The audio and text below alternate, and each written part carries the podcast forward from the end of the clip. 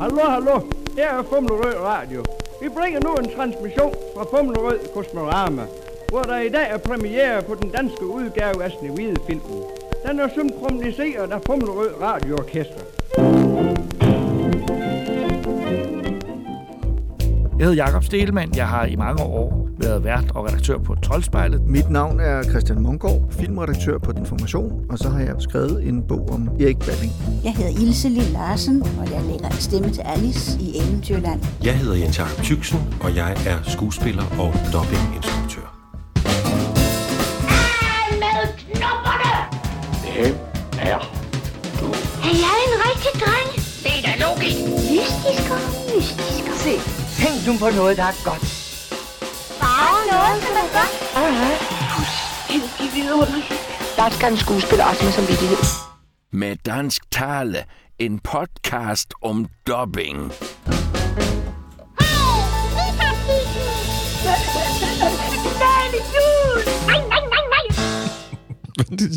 Umuligt ikke at blive godt humør af. Velkommen til tredje afsnit af Med Dansk Tale, en podcast om og med mange af de stemmer, du kan huske fra barndommens tegnefilm og tv. Jeg hedder Brian Iskov, jeg er filmjournalist. Og jeg hedder Anders Vadbrun, og jeg er dobbingoversætter. I første og andet afsnit af Med Dansk Tale, der så vi på, hvorfor man dopper, og hvordan man dopper. Og fra nu af, så går vi kronologisk frem i vores lille kortlægning af dobbingens historie i Danmark. De næste par afsnit er altså også til dem, som måske ikke går så meget op i tegnefilm eller dobbing, men bare gerne vil høre noget mere om stjerner som Ove Sprogø og Gita Nørby og Ingeborg Brams og Paul Reichhardt og dansk film og teaterhistorie rent generelt. Og netop Gita Nørby kan I faktisk møde i Cinematiket lørdag den 16. juni 2018, for der viser vi Lady og Vagabunden i den gamle dom fra 1955. Og jeg interviewer Gita om den gang hun debuterede på film, for det var nemlig som Ladys danske stemme. Og I kan købe billetterne allerede nu på øh, Cinematikets hjemmeside dfi.dk. Fantastisk. Hvem er Nora? Nora? Og Lulu, og Fifi, og Rosita, Chiquita, wow, wow, wow. Hvad hun nu hedder. Jo, jo, ja, jamen, det Hvad jeg på. mig angår, så skal du ikke mere tænke på din svaghed. Min, min svage? Jeg klarer mig uden dit beskyttertram. Ja, ja, men, men... Er du uforsigtig uden mig, så er jeg lige glad, hvis hundefangeren tager dig. Farvel. Og tag det der med dig. Dag skal vi også på lidt af en tidsrejse, for vi skal helt tilbage til 1930'erne, hvor man første gang forsøgte at doppe udenlandske spillefilm til dansk. Filmene, de er for længst blevet glemt, men i det her afsnit, så kan du høre mere om, hvordan det eksperiment det foregik. Vi får hjælp fra to tegnefilmnørder, Troldspejlet Jakob Stelmann og skuespilleren Jens Jakob Tyksen, når vi skal snakke om de oprindelige danske versioner af Disneys Snevide, som øh, blev lavet i 1938, og Pinocchio, som er fra 1947. De to versioner, som man egentlig regnede med var gået tabt, men øh, vi har gravet en af dem frem, og det kan I både høre lidt af og om senere i afsnittet. Og så kommer filmjournalist og forfatter Christian Mongård og fortæller om Erik Balling, der i en meget ung alder var oversætter og instruktør på den danske udgave af Askepot. Og så har vi mødt den tidligere barnestjerne Ilse Lille Larsen. I dag er hun 83, men i 40'erne var hun altså barne- og ungdomsstjerne. Hun lagde stemme til de første to udgaver af Disneys Alice i Eventyrland og Peter Pan, og det er igen to danske dobs, som ikke længere kan fås. Med dansk tale. En podcast om dubbing. I det første afsnit af Med Dansk Tale, der var vi inde på, hvad der skete sidst i 20'erne, da hele filmbranchen på kort tid skiftede over fra stumfilm til tonefilm. Det var en kæmpe omvæltning, og både filmselskaberne og filmudlejerne over hele verden, de blev grebet af noget, der mindede om panik. Der var ikke bare en masse tekniske udfordringer forbundet med at skulle optage og afspille synkron lyd på film. Det gav også et sprogligt forståelsesproblem, som ingen rigtig vidste, hvad man skulle stille op med i de første par år. I begyndelsen var filmmediet stumt. Men da tonefilmen brød igennem i 1927, kunne publikum pludselig høre, hvad der blev sagt oppe fra lærredet. Og ikke mindst, hvilket sprog skuespillerne talte.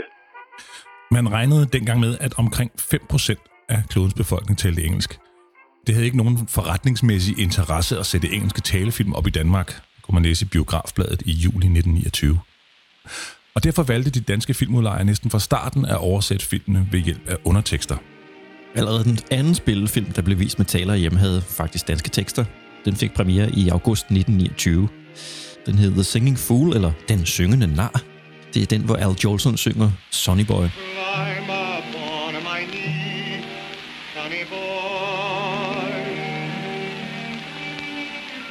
Og dermed var Danmark et af de første lande i verden, der undertekstede øh, film på fremmedsprog. I udlandet eksperimenterede man jo med at genindspille film for flere forskellige sprog, som vi hørte i, øh, i første afsnit med øh, Dracula og, og Gør og Gokke. Men øh, det var dyrt og besværligt, og det blev som regel ikke særlig godt. Nordisk film, som lå i Valby lidt uden for København, de prøvede den metode en gang, da de lavede Skandinaviens første tonefilm, Eskimo, i 1930. Instruktøren Georg Snefugt, han optog tre versioner på én gang. En norsk, en tysk og en fransk. Og det stunt, det tabte nordisk film mere end 100.000 kroner på. Så det blev ikke gentaget. Det var mange penge dengang. Christian Mongård er forfatter og filmredaktør på Dagbladet Information, og han fortæller, at Nordisk Film i stumfilmens æra var en af verdens førende filmproducenter. Nordisk Film blev stiftet i 1906 af, af Ole Olsen, og nej, det var ikke Speedway-køren, men en anden Ole Olsen, tidligere cirkusdirektør og gøjler, som ligesom havde set en idé i at begynde at lave lave film, lave levende billeder, det kunne man tjene penge på, og det må man sige, det gjorde han. Ole Olsen, han fik ligesom bygget et, et filmimperium op ude i Valby, på de, i de filmstudier, der sådan set stadig ligger der i dag. Og fra 1909 og op til lige før, eller lige omkring starten på, på Første Verdenskrig, der var Nordisk Film et af de allerstørste filmstudier i hele verden. Dengang var det jo stumfilm, og det her med sprog og undertekster og den slags, det betød jo ikke noget dengang, så lige pludselig så kunne også et lille produktionsselskab fra Danmark blive ganske stort ude omkring i den store verden. De producerede flere hundrede øh, små og store film om året der i stumfilmtiden, og de blev eksporteret til hele verden. Og så var det jo smart at befinde sig ude i Frihavn, hvor man for det første havde øh, meget nem adgang til at få sine øh, råfilm smidt ombord på nogle skibe og sejlet ud i den ganske verden, men også befaldt sig i sådan et, et frihandelsområde, hvor de ting, der blev lavet på det her område i Frihavn, blev ikke pålagt 12, og det vil sige, så var det også billigere og nemmere i det hele taget at få det ud af landet, og, og formentlig også at få råvarer ind i landet, alt det man skulle bruge af råfilm til at fremstille råfilm osv. osv. med. I 1932 der gjorde en nordisk tonefilm, som de hed på det tidspunkt, et forsøg på at sætte dansk tale på en udenlandsk film. Og det var altså ikke på en animeret film, men en tysk realfilm med levende skuespillere. Filmen hed Ich bleib bei dir og var et romantisk forvekslingslystspil. Ich bleib bei dir bis morgen früh, denn du hast meine Sympathie. Sei gut zu mir, ich bleib bei dir bis morgen früh. I England blev manuskriptet genindspillet. Samme år, der hed den There Goes the Bride. I'll stay with you for just a while. I'll hear your voice and see your smile. We'll share our dreams another two. I'll stay with you. Men i Danmark valgte Teatrenes Filmskontor at lancere den tyske film i august 1932 under titlen Jeg bliver hos dig med sloganet Sæsonens første dansktalende films succes. Politikken bragte en stor artikel den 7. august, som forklarede meget detaljeret, hvordan en flok tyske skuespillere pludselig kunne tale så nydeligt dansk på biografladeren. Det var to danske ingeniører, Arnsen og Lynge, der havde udviklet den teknik, som Nordisk Tonefilm mente var en pålidelig metode til det, de kaldte sprogkamouflage. Her kommer et uddrag fra Knud Gansens artikel, og du kan også læse teksten på vores blog med danstale.blogspot.com. Først kører man den tyske originalfilm, og ved et af Arnsen og Lynge opfundet apparat registreres lydene magnetisk som en række lange og korte morsetegn på en ny lydstrimmel. Dette vil i praksis sige, at man får de tyske replikker adskilt i en slags versefødder. Nøjagtigt over disse skriver man på filmen de tilsvarende stavelser i den tyske originaltekst, og det gælder nu om at oversætte denne til dansk. Den danske tekst til sammenligning er nedskrevet på films strimmelen under den tyske, overføres den danske alene på en ny og gennemsigtig film, der ligesom teksten i en lysavis køres vandret hen under lærredet, og på den tyske film samtidig forevises uden den tyske tale. Man deler nu filmen i afsnit på cirka 50 meter, der med de gang på gang vises på lærredet. Foran sidder de danske skuespillere, der i det pågældende afsnit af filmen skal overtage deres tyske kollegers roller og indprinte sig nøje med det ene øje replikkerne og med det andet den tyske skuespillers mundbevægelser. Når skuespilleren efter måske 50 gentagelser kan rollen, træder instruktøren til for at lade animere skuespilleren til at sige replikkerne med en tilstrækkelig naturtro livagtighed og når man er så vidt, sætter instruktøren sig ind i det tilstødende værelse, hvor han, samtidig med at han ser filmen, hører de danske som det skal, sættes mikrofonledningen i forbindelse med et lydoptagelsesapparat, der i et tredje bagvedliggende værelse er forbundet både med films fremføringsapparatet og apparatet, der kører lysavisstrimlen, hvorved der opnås et nøjagtigt sammenspil mellem de tyske skuespillers mundbevægelser og de danske skuespillers replikker. Den således optagende danske lydstrimmel inkopieres nu på ny negativ af den tyske originalfilm uden lyd. Man har således fået en film, der er sammensat af den tyske billedstrimmel og den danske lydstrimmel, og som nu er klar til fremvisning. Sådan skrev Knud Gansel i politikken i 1932. Og præcis med det tonefald. om meget omstændigt. Det er jo meget nyt og fremmed, tydeligvis. Den danske dubbing af Jeg bliver hos dig foregik på Nordisk Tonefilms tekniske fabrik, den der lå ude i Frihavnen, som Mongård snakkede om, under ledelse af instruktøren Flemming Lynge. Det hele tog øh, en uges tid og kostede 15.000 af datidens kroner. Og Nordisk Film måtte også lave nye Foley-effekter, altså Geräusch, øh, for at blive det tyske, til de scener i filmen, hvor de ikke kunne bruge den tyske baggrundslyd. Og så indspillede det også lige en svensk dub, når de nu alligevel var i gang. Avisen Dagens Nyheder var meget positiv i sin anmeldelse. Eksperimentet er lykkedes. De, der taler for de fremmede kunstnere, har ikke gjort deres sager dårligt, og vi venter med spænding flere af disse films, som skal genindføre vort eget sprog på det hvide lærred. Til gengæld så mente Dagbladet Socialdemokraten, at man hellere skulle lave flere danske film, i stedet for at eftersynkronisere de udenlandske. Den forvredende danske tale betyder en beklagelig kunstnerisk forringelse af filmen og en alvorlig fare for sprogets forfladigelse. Mm. Knud Gansel, altså ham fra politikken, han opvejede nogle af eftersynkroniseringens plusser og minuser. Fordelene ved en sådan indpodning af danske replikker i en udenlandsk film er naturligvis først og fremmest, at man får en kontinuerlig forestilling uden indskudte eller indkopierede tekster. En film spillet af dygtige udenlandske kunstnere, hvis replikker vi nu alle forstår. Ulemperne er, at det ikke altid er muligt at give de danske replikker en fuldstændig dagligdags og naturlig form, ligesom de særligt sprogkyndige vil savne nydelsen af de fremmede skuespillers originale replikbehandling. Og der kan vi jo så udlede, at man har sagt det samme i snart 90 år. Ja, det er de samme forbehold. Det er stort set den samme diskussion, og der vil altid være et vist tab, kan man sige. Det er også derfor, at det som øh, vi talte med Lars Thisker om i, i et af de tidligere afsnit, vi skal se på dubbing som værende et nyt produkt, et nyt værk. Altså nu har vi jo ikke set den her, jeg bliver hos dig på dansk, fordi den, den findes vist ikke mere. Men øh, altså, vi kan fortælle, at de 32, der gjorde den dobbede version, i hvert fald lykke i provinsen, hvor kendskabet til fremmedsprog jo ikke var nær så udbredt som i København. Den gik ikke helt lige så godt i, i hovedstaden. Nordisk tonefilm, de gentog kun nummeret en gang mere, før de opgav at eftersynkronisere realfilm. Det kunne ikke betale sig i sådan et lille marked som Danmark, og resultatet var heller ikke umagen værd.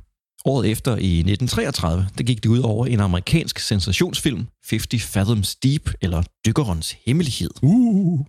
Filmen, der er fra 1931, handler om, og nu citerer jeg synopsen, to dykkerkammerater, hvis venskab er lige ved at blive forpurret af en træsk kvindes intriger. Uh. Ja, sikkert noget. Den lader sig heller ikke til at være bevaret, den her dykkerens hemmelighed, men vi kan læse i aviserne fra den gang, at dialogen var stærkt præget af sømandsslang, og at de amerikanske spilleres voldsomme gymnastiske mundbevægelser var svære at tillæmpe det danske sprog. En anmelder, der kaldte sig Nemo, han skrev, at det knep med at få de små, lidt sindige friskopiger til at aflevere deres åndrigheder på dansk. Helt hyggeligt var det heller ikke at høre Grønnegadesproget i Robert Hollywood. Grønnegadesproget? Er det noget Jeg er ikke... Øh... datids københavnsk? Ja, det, det er meget muligt. Mm. En anden kritiker, der kaldte sig for Victor, skrev, Replikkerne er affattet i et så frygteligt kunstigt dansk, at lød de fra en scene, ville de drukne i latter. Bliver der gjort forsøg på at lave kunster med virkelig gode films, skal der protesteres. Ja, og nu har vi hørt det et par gange films. Det er altså den gamle danske flertalsform af film. Ja. En film, to films. Ja. Denne Victor blev bakket op af selveste formanden for Dansk Skuespillerforbund, Knud Rassov. Han skrev et indlæg i forbundets medlemsblad, hvor han erklærede sig som voldsom modstander af den her nymodens synkroniseringsdille. Her kommer et uddrag list op af skuespiller Jens Jakob Tyksen og kommenteret af Jakob Stelmann. Der er opstået et nyt ord, eller rettere det gamle synkronisme, der betyder samtidighed eller sammenstilling af samtidige begivenheder, har fået en dansk endelse og bruges nu inden for filmverdenen med betegnelsen synkronisering. Så længe og hver gang udlændingen bruger munden, for derved at give tilskueren eller tilhøreren forståelse af den fremmedes replik og, om muligt, at skabe illusion af, at grimasseren virkelig er i overensstemmelse med de ord, der lyder på dansk. Vi, der med mere eller mindre evne og held har søgt at trænge ind i skuespilkunstens hjerte, det levende ords uhyre verden af variationer i klang og farve, må betragte dette nye udslag af købmandsmæssig smartness på kunstens område og virke som en råhed og kynisme. Lad det blive en ukammeratlig gerning at medvirke ved synkronisering af udenlandske film. Formand Knud Rassau i Skuespillerforeningens medlemsblad, september 1932. Sagde han det?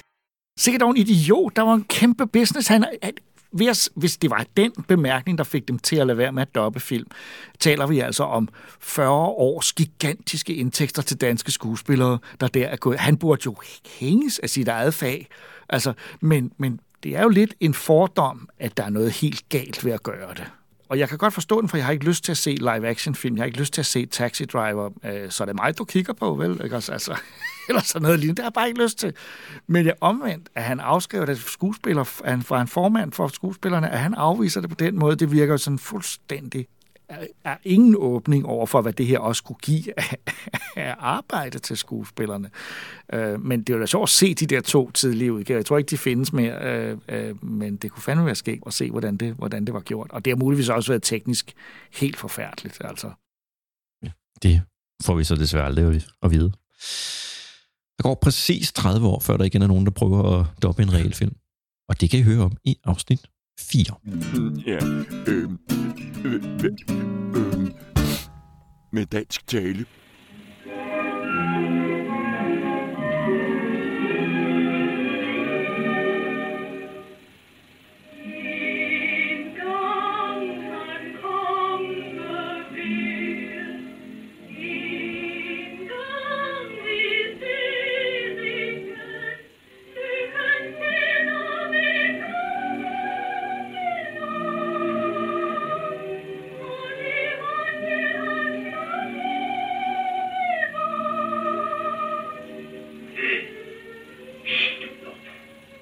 Vi i dag ser Snevide og de syv dværge fra 1937, er det ikke med de originale danske stemmer, men i en nyindspillet dub, som Finn Henriksen lavede for Nordisk Film 1982.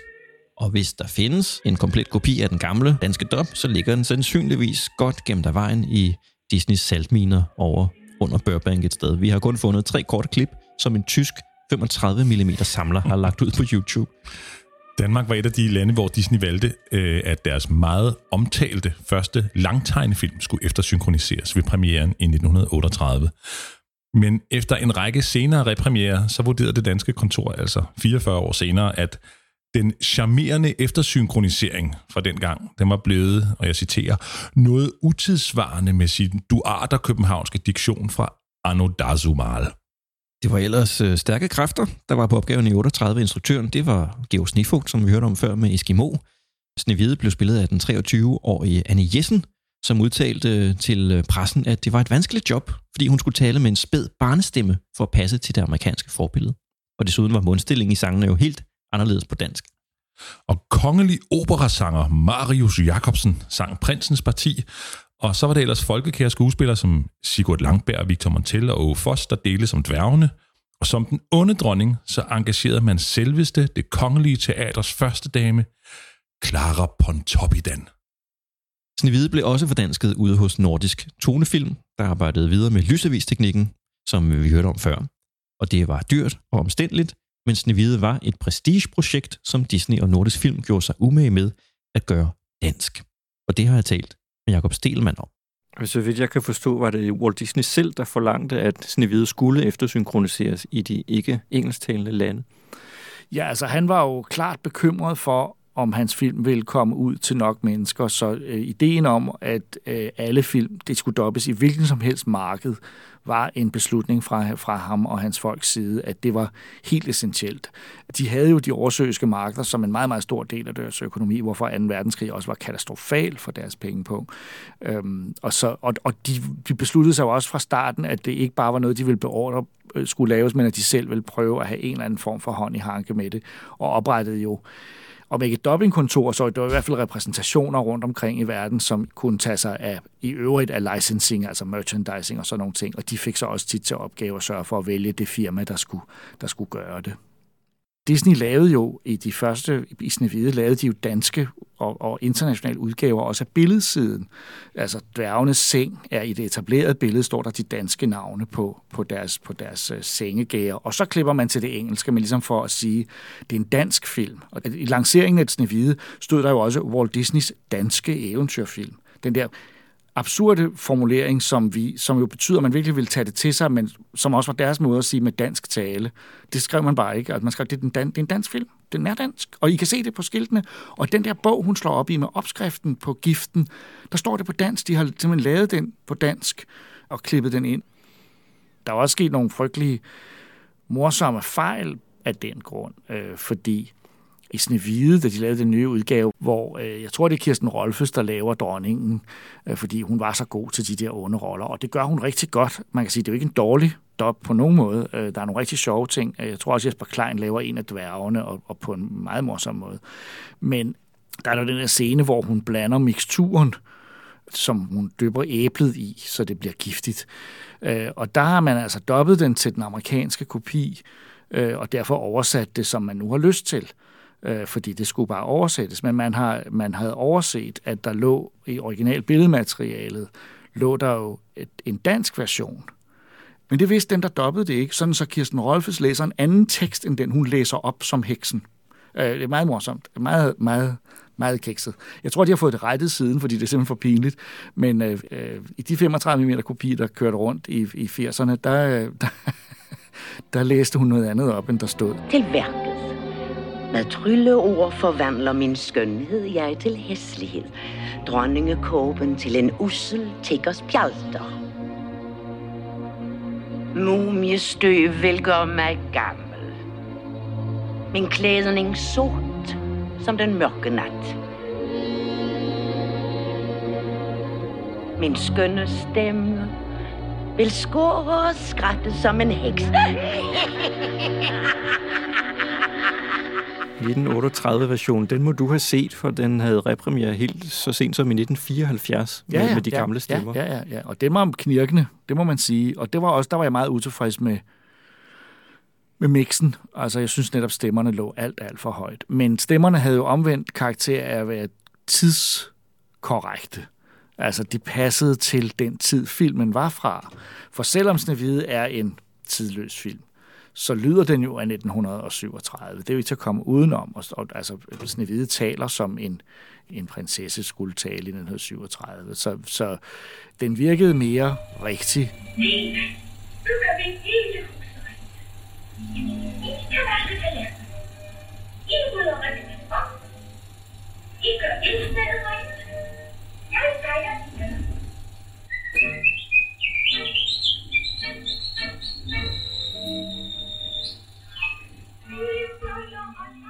Snevide og de syv dværge blev en verdenssensation, også i Danmark.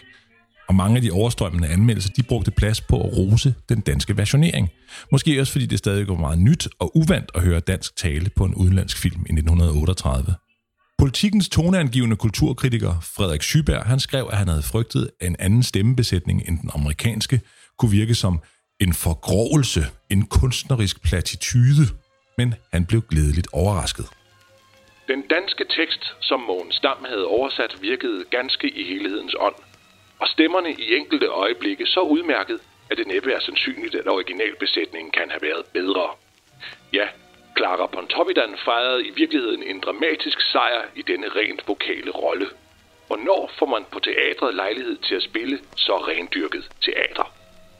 Tidens anden store kritiker, Ole Palsbo fra Nationaltidene, fremhævede også Pontoppidan som dronningen og mente, at hendes præstation var endnu bedre end den amerikanske original Lucille Laverne. Tilbage til Jakob Stelmann.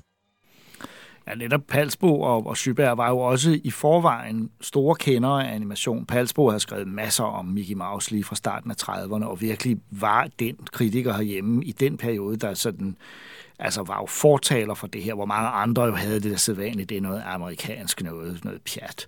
Øh, så var han jo, altså han, hans beskrivelse af de tidlige Mickey-film øh, er, er faktisk noget af det mest øh, animerede filmkritik, der er lavet. De fantastiske. han har været i Berlin, kan jeg huske en gang set noget sådan der i, man læser noget, han har skrevet i 31-30, som var fuldstændig, fuldstændig ekstatisk, og det er meget spidende at læse det. Så han har jo vidst, hvad han talte om, og han har set den engelske, må han jo have, hvis han kunne skrive det. Og jeg kan bare huske, at Clara Bontoppidan er fantastisk. Hun er ekstremt krukket. Altså virkelig. Men hun var også øh, meget ond, meget udspekuleret.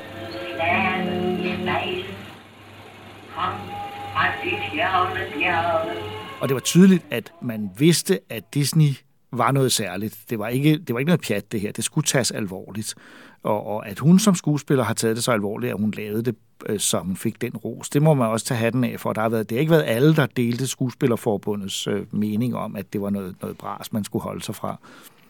Der var nogle, der mente, det ville virke disillusionerende, når danske skuespillere lagde ord i munden på de her figurer, så man var en lille smule loren ved, om var det nu en god idé at udstyre dem med danske stemmer det er jo rigtigt, at øh, en tegnefilmfigur er jo skabt med, den, den, den, med én stemme, med sin originalstemme. De to ting er jo uløseligt bundet sammen, eftersom også stemmen er indtalt inden animationen, så animatoren har jo arbejdet med den stemme, og ofte også i mange tilfælde lavet den forme figurens udseende og, og mimik og bevægelser i øvrigt.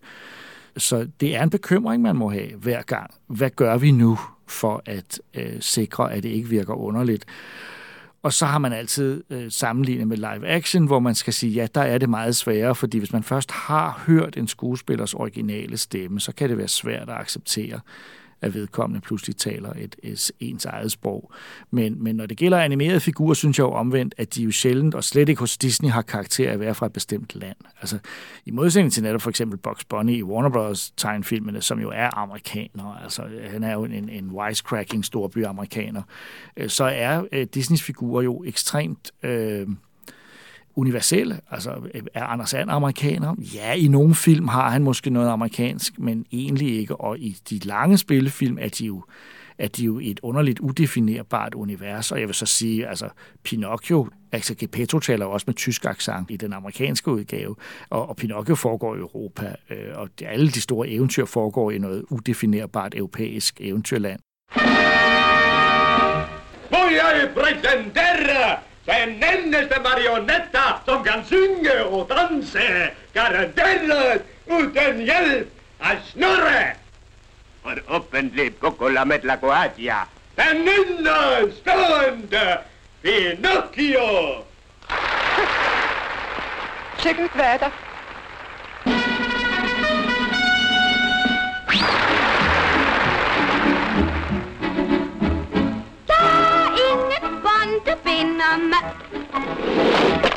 Er du 50 år eller ældre, så er det her din barndoms Pinocchio. Ingeborg Brams, hun farede triumfer i 40'erne på det kongelige teater, hvor hun blandt andet spillede Jeanne d'Arc og dronning Kleopatra og Hedvig i Villanden og Nora i dukkehjem. I den samme periode, der indtalte hun snoredukken Pinocchio, frisk og skælmsk, i det hørespil som Statsradiofonien, det der blev til Danmarks Radio. De udsendte i november 42 og igen i december 1945. Historien den var frit bearbejdet efter italieneren Carlo Collodis eventyr, men musikken og sangene det var taget fra Disneys tegnefilmsudgave, der havde haft premiere i USA i 1940. Altså, jeg tror, at øh, det er, eller statsradiofonien, flere gange lavede hørespiludgaver af film, også selvom det var populære kommercielle ting, og de lavede også Snevide, tror jeg, den, der, den blev også lavet som hørespil med musik og det hele, øh, og også nogle gange med de samme skuespillere, øh, lavet live i, øh, i Radiohuset. Ved, ved du om noget af det er bevaret? Øh, jeg har aldrig stødt på det, og jeg har søgt. Øh, jeg tror ikke, det findes noget af det. Men her kommer... Nej, desværre. Men nu skal du bare jo, høre. jeg har det. Jeg har det lige her. Godaste guld. Mm. Det tænkte jeg nok. Et let tilfælde af skubiøs apoteose med momentane komplikationer. Himmelepose måske. Sig hippopotamus. Komposttransmission af pantomimes med kroniske spirende-symptomer på blæremålsbetændelse. Luk øjnene. Hvad ser du? Ingenting. Luk dem op. Hvad ser du nu? Pletter. Aha. Og hjælp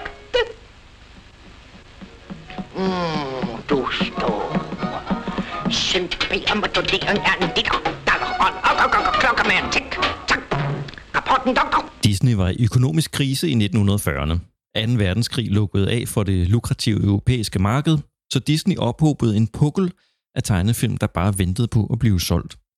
Efter krigen var filmudlejerne i Danmark underlagt nogle valutabestemmelser, som gjorde, at der kun var råd til at sætte én lang Disney-tegnefilm op om året. Så Dumbo fra 41, Bambi fra 42, de nåede til Danmark med henholdsvis 7 og 5 års forsinkelse. Til gengæld så sparede man eftersynkroniseringen væk. Filmene kom op herhjemme med undertekster, og de fik først dansk tale i 1970'erne. Fantasia fra 1940, den var hele 11 år undervejs. Den fik dog indtalt en speak i 1946 af Paul Reichardt, datidens store filmheld, som var i Hollywood for at lægge speak til. De oprindelige danske stemmer til Pinocchio de blev indtalt over tre uger i januar 1947. Da den endelig fik premiere i 1950, der havde danskerne ventet i 10 år, mens hørespillene i radioen og samlealbummet fra Rex, og det kan jeg huske fra min øh, morforældres Ja, og det solgte helt vanvittigt mange eksemplarer. Øh, der lå det. Det var en af de ting, man godt måtte lege med, men ikke for meget. Og Pinocchio-kuglerne fra Haribo, ja, de havde forberedt nationen på trædukkens komme. Og igen, så var det nogle af landets aller ypperste film- og teaterpersonligheder, der indtalte den danske version, også i Mogens Dams oversættelse. Instruktør, det var Bjarne Henning Jensen, der netop havde deltaget i Venedig-festivalen med Ditte Menneskebarn, og Ingeborg Brams, hun gentog hovedrollen som Pinocchio i en alder af 25. Og desuden så hørte man blandt andre John Prise som Jesper Forkylling og Sigurd Langberg som Gepetto, Buster Larsen som Slaphans, Knud Helund som Mikkel From, som i hørespillet hed J. Mikkelsen Revskrev, det var ham, vi hørte lige før, snak med Pinocchio, og så endelig Tove Mæs, kendt for de menneskebarn som fæn. Jeg har givet dig liv. Hvorfor? Fordi Gepetto ønskede sig en rigtig dreng. Er jeg en rigtig dreng? Nej, Pinocchio. Skal Gepettos ønske blive opfyldt, kommer det kun an på dig. På mig? Hvis du er tapper, god og ærlig, så bliver du en dag til en rigtig dreng. En rigtig dreng! Det bliver ikke let. Den oprindelige dop af Pinocchio er også ganske fantastisk. Øh, og den husker jeg selvfølgelig også, fordi jeg, jeg så den som barn og øh, hørte det der, er, er jeg nu en rigtig dreng? Øh, sagt på den der helt det, særlige måde. Der er det så, hvad hedder det, øh, Ingeborg Brahms, der spiller Pinocchio. Og det blev jo siden forbudt, om man så må sige. Disney lavede en regel om, at det måtte ikke være øh, damer, der lavede øh, øh, Pinocchio. Det skulle være en rigtig dreng. Og jeg kan huske som barn, øh, øh, når hun sagde, at jeg nu en rigtig dreng, der troede jeg, at det var en dreng. Altså, jeg havde da ikke nogen idé om, at det ikke var det. Og så John Prise som, øh, som Jesper Forkylling, det er jo fantastisk. I det gamle Riksalbum, der er der faktisk billeder af de danske skuespillere, det er ret sjovt altså. Og de billeder, dem kan man se på vores blog med dansktale.blogspot.com. Den gamle dop af Pinocchio er aldrig udgivet på video, og den havde øh, senest repremiere i biograferne i 1960'erne. Men øh, vi undersøgte sagen sidste år, og øh, fandt faktisk en øh, fuldstændig perfekt 35 mm kopi i det Danske Filmmuseums arkiv, så den skyndte vi os selvfølgelig at få sat op inde i Cinemateket. Det var ret fantastisk. Det var i december 2017. Vi har også vist Pinocchio i indspilningen fra 1978, hvor sangerinden Daimi Gentle overtog titelrollen, og Ove Sprogø leverede den Jesper Forkylling, vi kender i dag, og som vi jo alle sammen husker fra Disneys juleshow. Den version taler vi med Daimi og stemmeinstruktøren Gert Fredholm om i det kommende afsnit 5 af Med Dansk Tale. Og senere så blev Daimi også skiftet ud med en 9-årig dreng, Alexander Glæsel, da Pinocchio i 95 skulle genudsendes på video. Ja, og det er den episode, Jakob lige nåede at, at ja. komme ind på, men ja. øh, der er hele tre udgaver af den her film på dansk. Det virker helt åndssvagt. Ja. Men øh, den snak, den gemmer vi til episode 7. Nu skal vi høre Jens Jakob Tyksen, som jo ikke bare er dubbing-skuespiller, men også en kæmpe stor tegnefilmfan og elsker af af gammel dansk skuespil. Han har selvfølgelig set og hørt alle tre udgaver af Pinocchio. Et er jo først kampen mellem den nye version og at det ikke er Daimi, der er Pinocchio, og, og så pludselig skal til at forholde sig til noget helt tredje. Men det er jo simpelthen så super spændende. Fordi alle tre kan jo noget på hver deres måde. Den gamle her, den har jo noget helt andet uhygge over sig. Den er jo virkelig, synes jeg, ubehagelig indimellem i sit stemmeskuespil, altså hvor man bliver sådan helt bange. Stromboli, han er ikke, han er ikke rar. Det, der er virkelig et eller andet vemmeligt over den Stromboli der i, i den gamle. Her er du dit hjem, og jeg kan aldrig finde dig. Nej, nej, nej! Ja, ja, ja! Nej! Du der det! Jeg synes faktisk, Ingeborg Brems er fin som Pinocchio. Altså, det er Ingeborg Brems. Hun har sine særheder og sine betoninger, og også ret høj i det. Men, men det synes jeg øh, fungerer rigtig godt. Altså, i virkeligheden øh, handler det måske mest om Jesper Forkylling, ikke? Smuk, ikke? Jeg vil holde min hat på, at ingen af jer tror på det. Det med at ønsker bliver opfyldt. Vel? Det gør jeg heller ikke. Men jeg er også bare en forkylling, der synger lidt ved aren. Men nu skal I høre, hvordan jeg blev overbevist. Jamen, det kunne jo sagtens være John Prise. Det er jo så fint, det han laver. Det er også Jesper Forkylling, men det er bare en anden Jesper Forkylling. Han er virkelig, virkelig sød. Meget, meget sød. Nu er det for mig pludselig både Osbroø og John Brise. Men det, der sådan slog mig allermest, det, det var, at altså rent stemmemæssigt, der er, der er noget andet mørke over den. Den gamle. Og jeg ved slet ikke, om, om det er noget, man også har talt om og sagt, at vi skal lige skrue lidt ned for, øh, det, det må ikke være så farligt. Så bliver de sgu for kede af det, børn. Ja. Kusken er virkelig skummel også. Ja, for sagen. Jeg samler på små dumme drenge. Små dumme drenge? Ja. Alle de ulydige, som pjekker fra skole. Oh. Og så kører jeg dem til Pjekkeland. Pjekkeland? Jamen det er jo strafbart. Nej, nej, der er ingen fare. De kommer aldrig tilbage som Uh,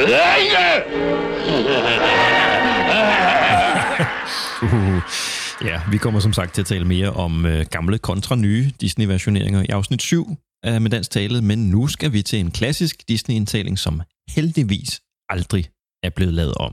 Med dansk tale, en podcast om dubbing.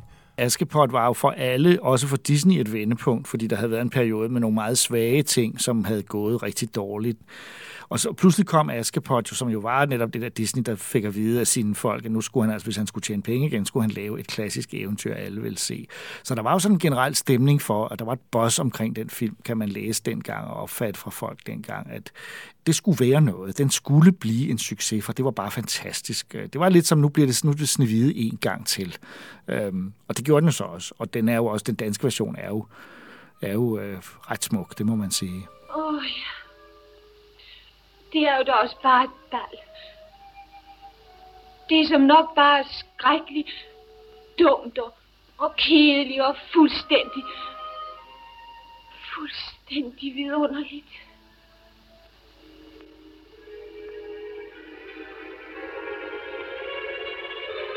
Jamen, jamen det er jo...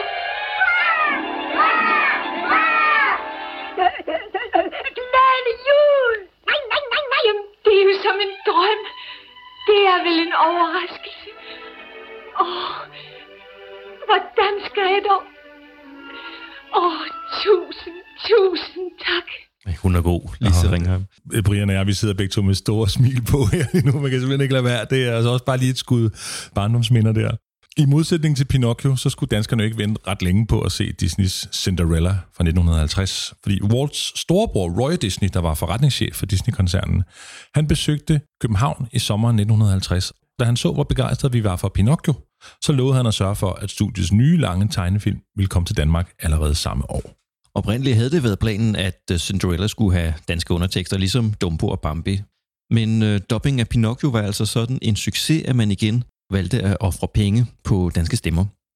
Erik Balling skulle senere blive Danmarks berømt som øh, ham, der lavede Matador og Olsenbanden og Fredefilmene og en masse andre folkelige succeser. Men i 1950, der var han stadig kun 25 år og assistent på Nordisk Film, da han oversatte dialogen og instruerede stemmerne i Askepot sammen med den næsten jævnaldrende Ove Sevel. De to var blevet ansat på Filmstudiet samme dag i januar 1946. Christian Mongård, filmredaktør på Information, har skrevet en biografi om Erik Balling. Jeg plejer altid, når jeg tager ud og holder foredrag om Erik Balling, hvilket jeg gør en gang imellem, når, øh, altså på grund af min bog, så starter jeg næsten altid med at vise et klip fra Askepot, med de danske stemmer selvfølgelig, og så spørger folk, hvad har den her med Erik Balling at gøre? Og det er ikke altid, der er måske en, men, men for ofte ikke nogen, der rent faktisk ved, hvorfor. Og så det er jo sjovt at kunne fortælle dem, at det her det var faktisk den første sådan selvstændige instruktionsopgave, øh, Erik Balling han havde, og altså i samarbejde med øh, Ove Sivel. Altså de var jo på det her tidspunkt begge to stadig sådan i midten af 20'erne, øh, og forholdsvis ubeskrevne. Øh, Balling havde lavet en dokumentarfilm om Israel sammen med Mogens Witz, øh, og Sebel havde instrueret noget, noget dokumentarfilm og noget kortfilm, og så havde de skrevet en masse manuskripter, øh, både hver for sig, men også sammen, som ikke rigtig var blevet til noget endnu. Omkring 1970, der blev Ove Sebel øh, direktør i Nordisk Film, og han var sådan ligesom den administrative direktør, og så havde man Erik Balling, som var kan man vel godt kalde det, den kunstneriske direktør. Så de to, de startede samtidig i Nordisk Film, og de kørte stort set i 40 år et par løb med, med mange forskellige øh, former for opgaver. De blev ansat i det, man dengang kaldte assistentfunktioner på Nordisk Film. Og, og det der med at være assistent på det tidspunkt, det dækkede over stort set alting, man kan forestille sig inden for filmproduktion. Alt det, der ikke ligesom var en fast funktion på ellers, altså i en, en fotograf eller en instruktør eller en scenograf. Det tog assistenterne så ligesom af hvor Erik Balling han startede med at hjælpe til på spillefilmproduktioner. Øh, de det menneskebarn og Diskret ophold blandt andet, som var nogle af de første film, nordisk film lavet efter 2. verdenskrig øh, ude i filmstudierne i Valby. Ove Sebel han blev ansat hos, øh, hos kortfilmafdelingen, som på det tidspunkt lå ude hos Nordisk Film Teknik ude i Frihavnen, altså det laboratorium, hvor man fremkaldte film dengang. Og der holdt kortfilmafdelingen til, og han arbejdede, så vidt jeg husker, blandt andet under den legendariske øh, danske dokumentarfilminstruktør Theodor Christensen. I juni 1950 der modtog Balling og Sevel en sort-hvid arbejdskopi af Cinderella på amerikansk. Den satte de så i fremviseren, og så så den igennem, og så så de den igen, og så så den igen, og for hver gang så blev de mere og mere nervøse over den udfordring, som de stod overfor. For på mindre end to måneder skulle de forvandle Cinderella til Askepot. Og deadline den var 15. august, for ellers så kunne de danske lydbånd ikke nå at blive sendt til Technicolor i England, hvor de skulle kopieres ind på billednegativet. Balling og Sevel havde valget mellem to dubbingmetoder. Playback, hvor skuespillerne hører den amerikanske lyd i hovedtelefoner, mens de indtaler deres replikker, det er sådan, man gør det i dag, eller Nordisk Films lysavis-metode. Og øh, de mente altså, at playback-teknikken var ødelæggende for spillet, så de valgte lysavisen. Til det siger Jakob Stelmann. Ved du hvad, der havde de jo fat i noget, fordi det er jo noget af det, som jeg har haft som anke mod dubbing i det hele taget, har været, at især det engelske sprogs tonefald og, og hele øh, rytme er lagt over på dansk. Og jeg tror faktisk også, at dubbing har haft en indflydelse på den måde, man taler dansk på. Jeg tror, der er mange, der taler dansk med nogle ord og nogle betoninger, som er præget af amerikansk, som selvfølgelig også kommer fra alle mulige andre steder, hvor man har hørt amerikansk, men som også kommer af dobbingen. Og det, det er jo også et hastighedsspørgsmål, at man skal have det i ørerne for at kunne ramme præcist. Nogle gange har de arbejdet uden hovedtelefoner og med loops i stedet for, hvor scenerne har kørt. Og det gør altså, at spillet bliver spil og ikke kopi. Og i dag tror jeg, der er, nogle, der er masser af dobbingskuespillere, der kan have det i ørerne, uden at det bliver det. Men det er jo typisk, at de taler, nogle gange lægger man mærke til, at de taler bedre dansk i for eksempel dobbinger af japanske film. Og det tror jeg også, at man oplever nogle gange med franske og, og andre serier, hvor, det, hvor sproget ikke er et, man så nemt falder ind i at lave en version af som amerikansk. Så jeg tror, at de har ret i at have prøvet det på den måde, og også har haft ret i, at det havde en forkert indflydelse. Der er altså nogle folk, der har taget det alvorligt dengang, men så blev de altså bremset af denne skuespillerformand. Så, så. Men det er nok også omkostningerne. Den udfordring øh, talte Øslem Salamanca også om i afsnit 2 af dens tale, som man lige kan spole tilbage til, hvis man vil have den opfrisket. Erik Balling han havde allerede erfaring med lysavisteknikken, for det var faktisk ham, der skrev lysavisen til den danske dop af Pinocchio i 1947. Han målte den amerikanske dialog op på filmkopiens optiske lydspor og afmærkede længden af hver enkelt replik på en blankfilm, og så skrev han den danske dialog ind med forskellige farver tus i de opmålte felter. Og her kommer Christian Mongård igen. Den måde, øh, Erik Balling og Ove Sebel øh, gjorde arbejde på, det var, at Ove Sebel, som jo ligesom var ham, der sad ude i dokumentarfilm og kortfilmafdelingen til daglig, og også ude i filmteknik. Han fik ligesom opgaven at stå for mere, den mere tekniske del af de her indspilninger øh, af de danske stemmer til Askepot. Mens øh, Erik Balling, han tog sig af faktisk at oversætte filmen til dansk. Øh, også sangene er faktisk oversat af Erik Balling. Og så stod han for også at instruere skuespillerne simpelthen. Altså det var jo også ham, der havde de store instruktørambitioner, kan man sige. Man kan ikke forestille sig andet end, at, at det jo har været en, en god måde ligesom at, at skole dem på, ikke mindst for Balling, altså det her med at prøve at arbejde med skuespillere og skulle arbejde med timing og oversætte noget og få en dialog til at fungere på dansk og så videre. Altså at der har været mange gode erfaringer for ham at høste i øh, det her arbejde med Askepot. Jeg kan ikke tro på noget mere. Jeg kan ikke. Ikke det, mit barn. Nej, nej, det mener du jo slet ikke. Jo, jeg gør. Det er ikke noget drøm. Efter at have prøvet flere emner til hovedrollen, valgte Balling og Sevel den 24-årige Lise Ringheim, jazz- og refrengsangerinde og nyuddannet skuespiller fra det Kongelige Teaters elevskole. Og da de ikke kunne finde en til at spille den gode fe, kom Ringheim trækkende med sin holdkammerat fra teaterskolen, Kirsten Rolfes. Og Rolfes blev fast inventar i danske Disney-dubs de næste mange år, helt op til Den Lille Havfru i 1989. Hvor er den tryllestav? Åh, oh, det er sandt. Jeg har jo gemt den. Sigurd Langberg, der var med i sin tredje Disney-film, han spillede den temperamentsfulde konge. Paul Bundgaard lagde sangstemmen til prinsen. Det var en af hans første filmroller. Og stedmoren, det var Karin Nellemose, senere Misse Møge i Matador. Lad mig nu engang se. Der er det store tæppe i forhallen. Bang det. Og vinduerne her oppe og nedenunder. Pust dem. Og ja, og gardinerne og portieren. Men jeg har jo lige... Gør det igen. Efter at skuespillerne havde aflagt stemmeprøver, fik Nordisk Film besøg fra USA af Disneys internationale chef. Jack Cutting var tidligere animator, og nu rejste han rundt i verden som Walts betroede medarbejder, der skulle sikre, at alle eftersynkroniseringer af selskabets film blev lavet ordentligt. Ikke bare fra Disney-koncernen, men fra selveste Walt Disney blev der sendt en mand over til København for at holde øje med de her unge mennesker, som skulle, øh, som skulle fordanske Askepot. Altså, det var jo ikke noget, øh, Walt Disney selv eller Disney-koncernen i det hele taget tog let på at, øh, at der var nogen, der gik ind ligesom og, og rode med deres film, om jeg så må sige. Så de skulle være fuldstændig sikre på, at oversættelsen og eftersynkroniseringen var i orden. Og sådan har det jo været lige siden. Altså Danmark har jo faktisk altid, så vidt jeg ved i hvert fald, haft ry for at lave nogle ret gode eftersynkroniseringer, altså har fået ros fra Disney-koncernen gennem årene, for netop at være meget samvittighedsfulde og omhyggelige med, med det her arbejde. Og det starter jo sådan set med Bjarne og Astrid Henning Jensen på Pinocchio og Ove Sevel og Erik Balling på, på, på Askepot. Ove Sevel fortæller i sine erindringer nordisk film set indefra. Selvom Jack kun kunne amerikansk, havde han en forbløffende evne til at høre, om en dansk, eller for den sags skyld japansk eller tysk replik, var rigtig i stilen. Han var meget nøjeregnende og omstændelig til det næsten ubærlige. Han var med i studiet, sad med i kontrolrummet, var med i klippebordet, var kort sagt med hele raden rundt. Da der var gået to dage, rejste han igen, glad og tilfreds. Et øjeblik, et øjeblik. En af gangen, om jeg må bede. Historien går, at Balling og Sevel måtte se originalversionen flere gange, før det gik op for dem, at musene rent faktisk sagde rigtige ord.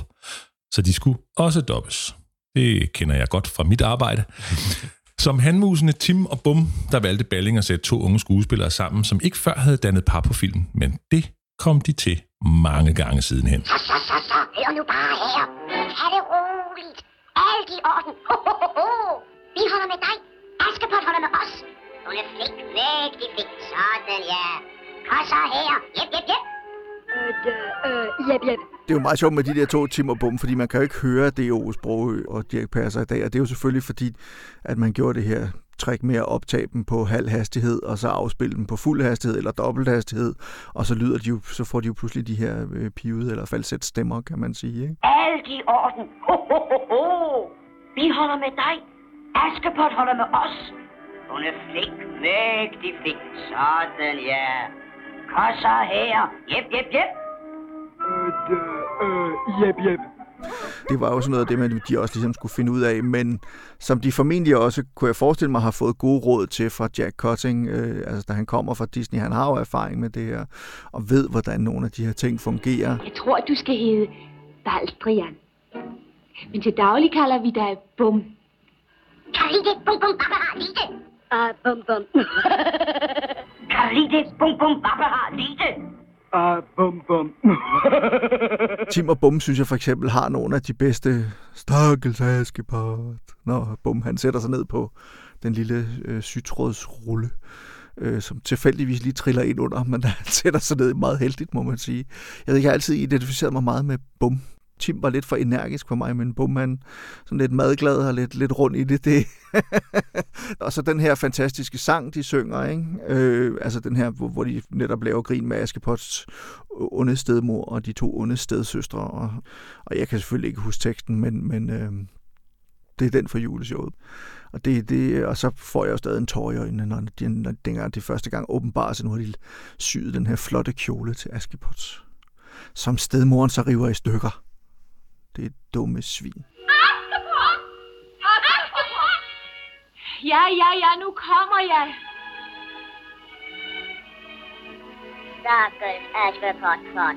I det øjeblik kan jeg huske det, for de kan blive opredet. Askepot! Askepot! Kan... Musenes arbejdssang var særlig kompliceret at lave. Stemmerne blev indtalt på en optager, der kørte i halvt tempo, for siden at blive afspillet i dobbelt tempo. Men de steder, hvor en mus i koret sang solo, kunne solistens stemme ikke sættes lige så meget op i hastighed som de andre, og så ville den blive for utydelig. Derfor måtte Balling og Seul optage musenes sangstemmer hver for sig, og bagefter sætte dem op i forskellige tempi, så både rytme, tonehøjde og længde kom til at passe. Det var noget med et kontroltonebånd med 1000 frekvenser og en oscillograf, og det hele foregik jo analogt dengang. Øh, De tre musepiger, der synger i kor, det er faktisk tre mandlige bassstemmer, der synger i falset, og så som afspillet på dobbelt hastighed. Det er der mange kor derude, der har den her deres julemedley, der vil være rigtig glad for at høre. Og på et tidspunkt er der også en sanger på den amerikanske lydside, der improviserer nogle løb. Og der skrev Disney altså ud til øh, de lokale bearbejdere, at det måtte de godt se bort fra, fordi det var alt for indviklet arrangere. Men den danske orkesterleder, Hans Schreiber, han fik dem faktisk med. det at arbejde med sangene, det har krævet den der tekniske finesse og akkuratesse og sans for musik, som øh, Hans Schreiber så ligesom kunne få, få med ind i det. Det var også ham, der stod for det på Pinocchio. Så han har også haft en vis erfaring med det og sådan noget. Det er nok også noget af det sværeste, og det tror jeg også, de snakkede om, at sangene var det, der var allermest vanskeligt. Ikke?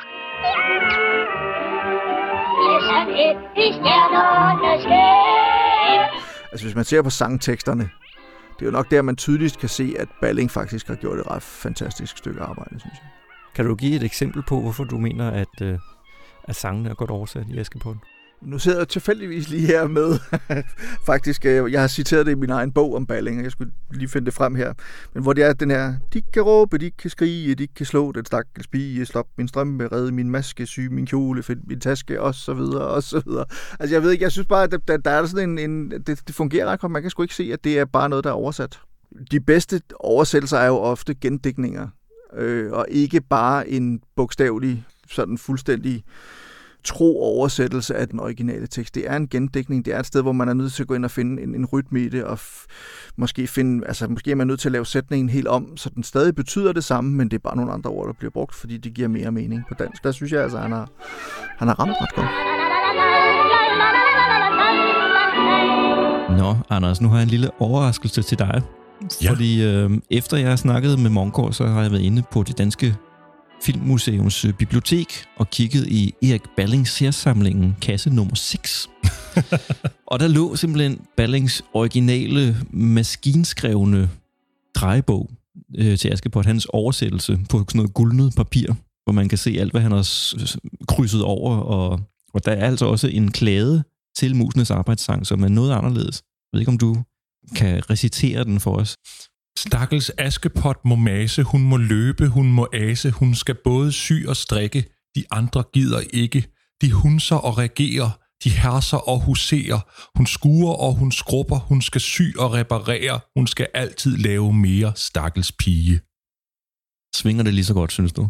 Ikke helt lige så skarpt. Han har lavet den om, simpelthen, ja. til det, vi kender i dag. Synes jeg bare var et interessant indblik Og det er hyggeligt. arbejdet. Han har, han har virkelig gjort sig umage. Altså, det er en sang, der fungerer i sig selv på dansk. Som modvægt kan vi tage for eksempel øh, Someday My Prince Will Come. Ja. En dag han komme vil. Øh, den, den har ikke gået hos dig. Nej, den havde, den havde jeg fået tæv for i, af min korrekturlæser. Mm. Hvis vi lige skal runde Askepot af, så var der jo masser af roser til øh, Balling og Sivels arbejde i stort set alle anmeldelserne. Ja, den amerikanske originalversion, den fik på opfordring lov til at køre som aftenforestilling uden undertekster i Metropolteatret på Strøget i København. Lidt ligesom man nu nogle gange kan være heldig at se, få lov at se originaludgaver i biograferne. Ja. Og der skrev anmelderne, at den danske faktisk var mindst lige så god som den amerikanske, og at musene både var tydeligere og morsommere på dansk. Ja, jeg synes også, den holder. Altså jo, man kan godt høre, den er, den er gammel. Jo, men, øh, men Det er originalen så absolut et, også. Jeg vil altså helst se Askepot på dansk. Det er en af dem, hvor jeg føler, det er mest rigtigt. Jeg ved ikke, hvordan du har det med det. Øh, jo, det har jeg også, men det er også det, faktisk det vigtigste, det er, at jeg fatter ikke, hvad musene siger på engelsk. Hmm. Og jeg er ovenkøbet i kraft af mit arbejde vant til at sidde og høre detaljer. Så det er godt løst. Ja, øh, godt klaret, Erik. Vi skal lige have Mongård på banen igen. Han er på vores hold. Altså i modsætning til mange af de animationsfilm, jeg har set som voksen, og hvor jeg har set dem på originalsproget første gang, så stort set alle Disneys klassikere der fra 30'erne, 40'erne og 50'erne, og til en vis grad også 60'erne, dem har jeg set i de danske versioner første gang, og det er de, altså de, de gamle, de originale, de første danske versioner, der ligesom blev lavet. Og derfor er det dem, jeg har op i hovedet, når jeg tænker replikker fra Askepot, eller fra Lady og Vagabunden, eller fra øh, 101 Dalmatiner, eller hvad pokker det nu måtte være, så er det de danske stemmer, jeg tænker på, og de danske præstationer, og der er sådan et eller andet nostalgi, der er et eller andet, øh, der er noget lidt meget charmerende gammeldags over, over måden, de snakker på ofte i de, i de oprindelige versioner af de her film, så, og det, det har jeg det ret godt med. Det passer også ligesom til, langt de fleste af de her film er jo ikke ligefrem nutidsfortællinger. Det er jo eventyr, som enten foregår i, i, ældre, i ældre tid, eller også i sådan et eventyrunivers uden for tid og rum. Og der passer det også, at det må gerne være lidt nostalgisk. Må det være gerne, gerne være lidt i gåsøjne bedaget. Bedaget er jo så sådan, måske et negativt udtryk, men, men, men det må gerne være sådan lidt gammeldags.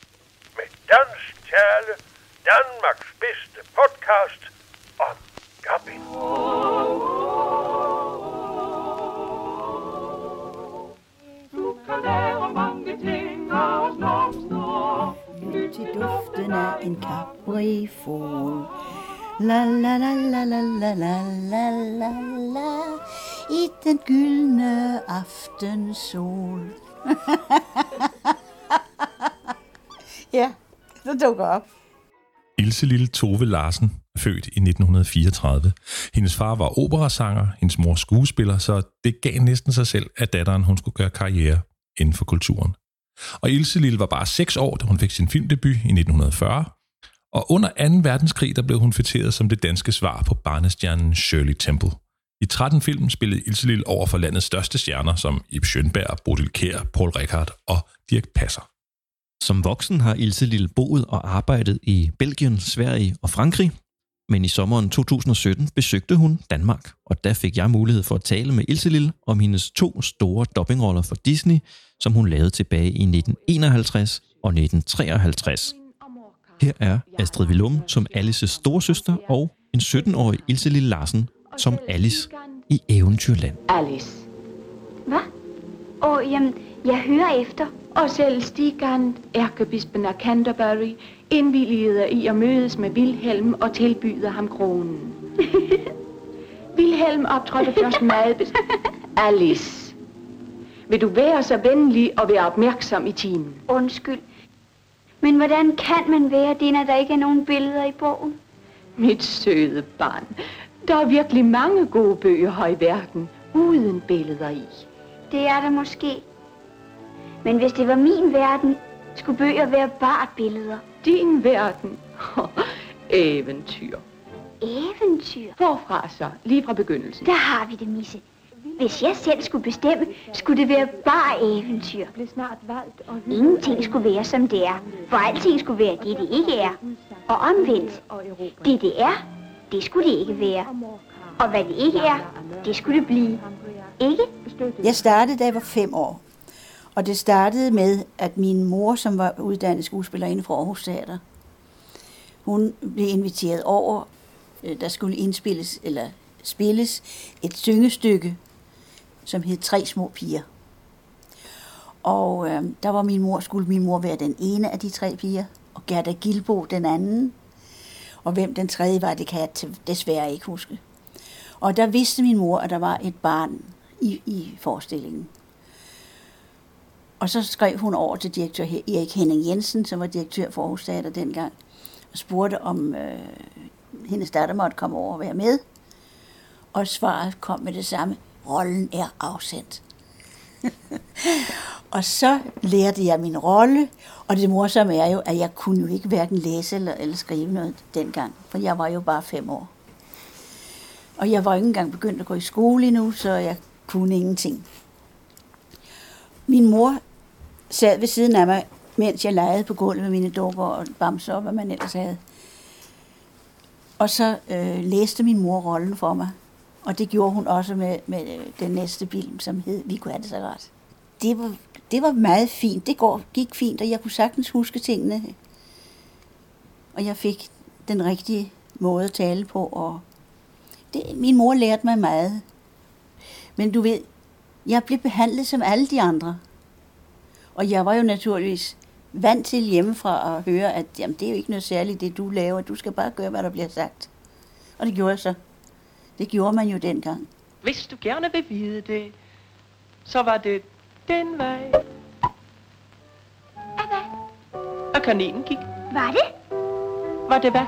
Den vej, han gik? Hvem gik? Peter Kanin. Hvad for en kanin? Jamen, du sagde jo lige selv. Jeg mener, åh, oh, nej. Kan du stå på hovedet? I Alice i Eventyrland, der spillede Ilse Lille over for nogle af tidens mest kendte skuespillere og entertainere. Svend Asmussen, som vi lige hørte, var filurkatten, og Sigrid Horne Rasmussen og Arthur Jensen gav den som hjerter dame og hendes forsagte konge. Med knopperne! Hør en gang, min skat. Øh. Skulle vi ikke have en retssag øh, først? Retssag? Ja, en- bare en lille retssag. Mm. Ove Sprogø og Kirsten Rolfes var genganger fra Askepot. Nu var de haren og syvsårmusen, der drikker te og fejrer ikke fødselsdag, med den gale hattemager Knud Helund, ham der var Mikkel Rev i Pinocchio. Og når vi siger, at Ilse Lille spillede over for dem, så er det faktisk helt bogstaveligt, for alle de medvirkende de stod samlet rundt om mikrofonen i studiet og indtalte deres replikker. Optaget, optaget. Ingen uafhentede. Optaget, optaget. Jeg tror, der var masser af plads. Ja, men det er meget uhøfligt at komme uden at blive indbudt. Ja, uhøfligt. Det er meget, meget uhøfligt. Meget, meget uhøfligt. Jeg kan huske alle disse dejlige skuespillere, som alle sammen fik eventyrs ansigter på.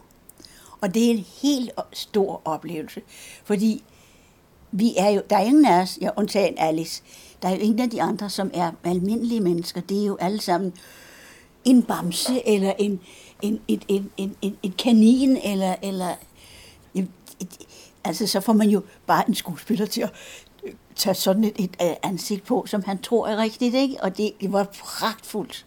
Og vi morede os kongeligt. Åh, oh, om forladelse. Åh, oh, oh. Alt i orden. Men du tog mig faktisk ved næsen. Ser du, jeg er på vej til? Det, det var meget godt, hva'? Du tog mig ved næsen. Vær nu sød. Hvad? Kan jeg tage dig ved næsen, Mads? Ove Sevel oversatte og instruerede denne gang solo. Han hentede også Dirk Passer ind igen for at lægge stemme til dørhåndtaget. Sørgeligt, at du er mere for stor. Du er simpelthen ubrugelig. Du mener umuligt? Nej, ubrugelig. Intet er umuligt. Hvorfor ikke prøve den der flaske? Flaske? Oh. Ja, ja, oh, ja, han var pragtfuld. Han var virkelig det håndtag, som var stort eller lille. Oj, han var pragtfuld. Jamen, i det hele taget, Dirk var vidunderlig. Han var morsom, og han var underholdende, og han sparede sig ikke. Han var altid glad. Hvor godt lærte du sådan en som Dirk at kende? Sådan som jeg har lært alle de andre at kende, som jeg var jo kun en lille pige. Og de var jo ikke interesseret i mig i andet, end at det var sjovt, at jeg var med. Og det var onkel Dirk, og det var onkel Paul og onkel Ib, og der var aldrig noget andet end det. Instruktøren på den danske version af Alice, det var Ove Sivel. Ove Sevel, ja. Ja. Hmm. Jeg kan huske, at han var ung, yngre end de fleste andre i den, øh, i den øh, chance, genre af mennesker. Så var han blond, og så havde han en ualmindelig dejlig bil. Mit navn er Wendy. Øh, Wendy Martha Angela. Wendy er nok. Nå. Men hvordan fik Nanne dog fat i skyggen, Peter? Hun bed i mig forleden dag. I vinduet. Nå, hvad lavede du det der? Jeg sad og hørte på historier. Mine historier? Jamen, de handler jo om dig. Ja, det er derfor, jeg godt kan lide dem. Jeg fortæller dem til bøllerne. Øh, bøllerne. Åh, oh, nu ved jeg, det er dine mænd. To år efter, i 1953, indtalte Ilse Lille rollen som Wendy Darling i den næste lange Disney-tegnefilm Peter Pan. Norske Tore Amundsen fra Nordisk Film Junior instruerede den danske dub med 33-årige Buster Larsen i titelrollen, men det kunne Ilse Lille altså ikke huske noget om, og vi fandt frem til, da vi snakkede om det, at det, hun havde været nyforelsket og 19 år, da hun lavede den, så... Øh, Fair nok. Ja. Øh, her er Ilse Lille med Buster Larsen, Ebbe Langberg og en dreng, der hedder Morten Christensen i Peter Pan. Kom så, Wendy. Lad os gå. Hvor skal du hen? Til Ønskeøen. Ønskeøen! Peter har bedt os. Os? Ja, naturligvis. Jeg kan da ikke gå uden Michael og John. Åh, oh, jeg kunne sørge godt lide at krydse svær med nogle rigtige sørøver. Ja, og skyde pirater også. Nå, alright. Men så har I jo lyster. Ja, vel her. Også mig. Jamen, Peter, hvordan kommer vi til øen? Flyver selvfølgelig. Flyver? Det er let. Det er bare at... Bare at... Og... Øh, øh, det var mærkeligt. Hvad er det i vejen? Kan du ikke? Og jo, jeg, jeg har bare aldrig tænkt over det før. Hej, hej ad. Se, tænk nu på noget, der er godt. Bare noget, som er godt. Aha. Legetræ og juletræ. Jordbær, slik. Jep, se på mig. Jeg flyver nu. Det er let som en leg. Han kan flyve. Han kan flyve. Han fløj. Samme år som Peter Pan, der var Ilse Lille med i sin første Far til fire film. Hun fortsatte som skuespiller i yderligere fem år, inden hun stoppede i 1958 i en alder af 24. Ja, men det kom jo på en helt naturlig måde, fordi man kan jo ikke blive ved med at være barnestjerne, vel? Jamen, du, du havde dog nogle, sådan, hvad skal man kalde dem, unge voksenroller til sidst. Ja, men der var folk, det var folk ikke glade for. De ville se mig som lille pige. Ligesom Shirley Temple. Det var præcis den, den samme. Altså, det der havde vi sammen. Hun øh, blev voksen og ville gerne forlove sig og gifte sig. Og det, de, det vil de ikke se på. Fordi Mm. hun, hun skal være barn. Hun skal være den der lille dejlige pige der, med slangkrøllerne. Og øh, ja, det var jo det samme med mig. De ville ikke se mig voksen. Når jeg kom op på sporvognen, så sagde sporvognskonduktøren, hvor er Ilse Lille blevet stor. Og det har man altså svært ved at synke, når man er 26. Kan gå op med to børn i hånden, ikke? Hverken Alice eller Peter Pan forhandles i dag i de versioner, som Ilse Lille er med i. De fik indtalt nye stemmer i henholdsvis 2001 og 2003. De gamle dubs, de eksisterer på Sels videokassetter og i Filmmuseets arkiv. Har du, har du set nogle af dem? Ja, jeg har set Peter Pan. Ove Sprogø i, i Kaptajn Klo-rollen. Han er en fantastisk Kaptajn Klo, og det var aldrig gået i en, øh, i en reel film. Øh, Ove Sprogø i rollen som skurk på den måde. Skønt overspillende. Der er masser af saft og ja. kraft i den i hvert Ja. fald. Pokkers, Peter Pan! Hvis jeg bare fandt hans gemmested og kunne tage ham i hans hule. Men hvor er han? Havfruesøen. Nej, der har vi været. Og også hos kannibalerne. Her! Nej, nej, nej, nej. Det er indianerlejren. Men hør. Gad vide. Godmorgen, kaptajn. Jeg har det! Tiger, lille svisk! Tiger, lille kaptajn. Høvdingens datter! Hun må vide, hvor pæren holder til. Ja, men vil hun sige det, kaptajn? Nå, det er sikkert nødvendigt at bede hende pænt. Alice i Eventyrland og Peter Pan, det er jo øh, to versioner, som siden har fået nye danske stemmer. Desværre, ja. Men jeg var så heldig en gang, jeg var hjemme, at jeg, jeg går altid ind og kigger, om der er nogle danske af mine film, som ligger i, øh, i de forskellige forretninger. Og så fandt jeg Alice i Eventyrland i min udgave, og den købte jeg selvfølgelig, så den har jeg. Peter Pan har jeg også i to versioner. De er jo blevet samlerobjekter nu. Åh, oh, dejligt. Bliv ved med det. Der er jo mange, der gerne vil have de gamle udgaver. Ja. Men, øh, men Disney har ikke, de har valgt ikke at lade dem blive på markedet. Nu er det kun de nye stemmer, man kan få. Og det var da synd. Alle kan jo huske Dirk Passer og de forskellige figurer, ikke? Dem, der lavede figurerne. De kan jo huskes. Åh, oh, unge dame, hold de en tændstik. Nej, men undskyld, men Peter Kanin.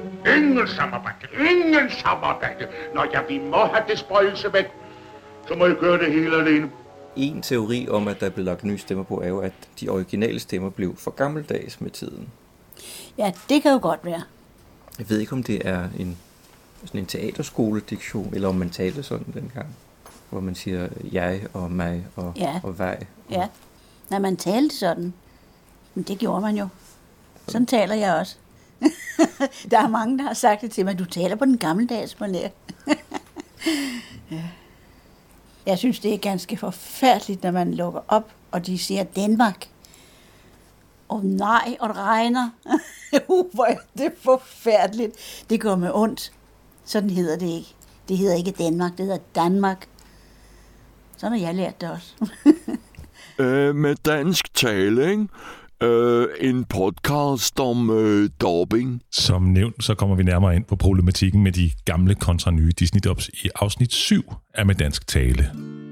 Du har nu hørt tredje afsnit af vores podcast, hvor vi fik kortlagt dubbingens historie i Danmark fra 30'erne og op til midten af 50'erne. I fjerde afsnit, der gælder det dansk dubbing i 60'erne. Vi taler med Frans Ernst, som i det årti havde travlt med at instruere danske versioner af Disneys Peter Plys, Da kongen var knægt, Asterix og Cleopatra, og en forlængst glemt tv-film, som Disney optog i København på engelsk med danske skuespillere, som så måtte dobbe sig selv tilbage til dansk. og det fortæller Frans Ernst altså om i afsnit 4 af Med Dansk Tale, og der får du også svar på, om det er den Kim Larsen, der spiller egyptisk bølle nummer 3 i Asterix og Cleopatra. Vi har også mødt Joachim Clausen, der var den danske Mowgli i Disneys Junglebogen tilbage i 67. Og så interviewer vi selveste Gita Nørby på scenen i Cinemateket. Som 20-årig teaterskoleelev, der debuterede hun på film som Lady i Lady og Vagabunden, og det vil hun fortælle om lørdag den 16. juni, hvor vi viser den gamle danske version af filmen. Du kan købe billetter på Cinematekets hjemmeside dfi.dk og høre uddrag fra samtalen med Gita i næste afsnit. Hvis du øh, kan lide vores podcast, så kan du være med til at støtte den ved at gå ind på tier.dk 10er.dk. Her kan du donere et beløb, du selv vælger for hvert nyt afsnit, vi udgiver. Bonusmateriale og credits finder du på vores blog med dansktale.blogspot.com. Og du kan følge os på Facebook, Twitter og Instagram, hvor vi bare hedder med Dansk Tale. Og vi bliver også glade, hvis I deler podcasten med jeres venner og bekendte og giver den stjerner i iTunes. Som afslutning så får I en lille anekdote fra Jesper Langberg, hvis far Sigurd Langberg spillede hele to roller i Snevide anno 1938. Her er det Anders Vadbrun og Brian Isgaard, der siger tak for nu og på genhør. Øh, jeg kan da huske Snevide, hvor min far, han, han var en af de syv dværge. Gnavpot. Det, det, var, det var jeg meget imponeret af som dreng at høre på. Og han var også på et tidspunkt en uhyggelig jæger, som... Jeg ved ikke, hvad han skulle ud og slå en ihjel. En uhyggelig jæger, som jeg lagde stemme til, og jeg blev meget, meget vred på min far. At han kunne gøre det. Det var nok en af grundene til, at det langsomt, langsomt gik op for mig som dreng, hvad det en vil sige, det der med at være skuespiller, fordi når man sagde det, behøvede man jo ikke at mene det.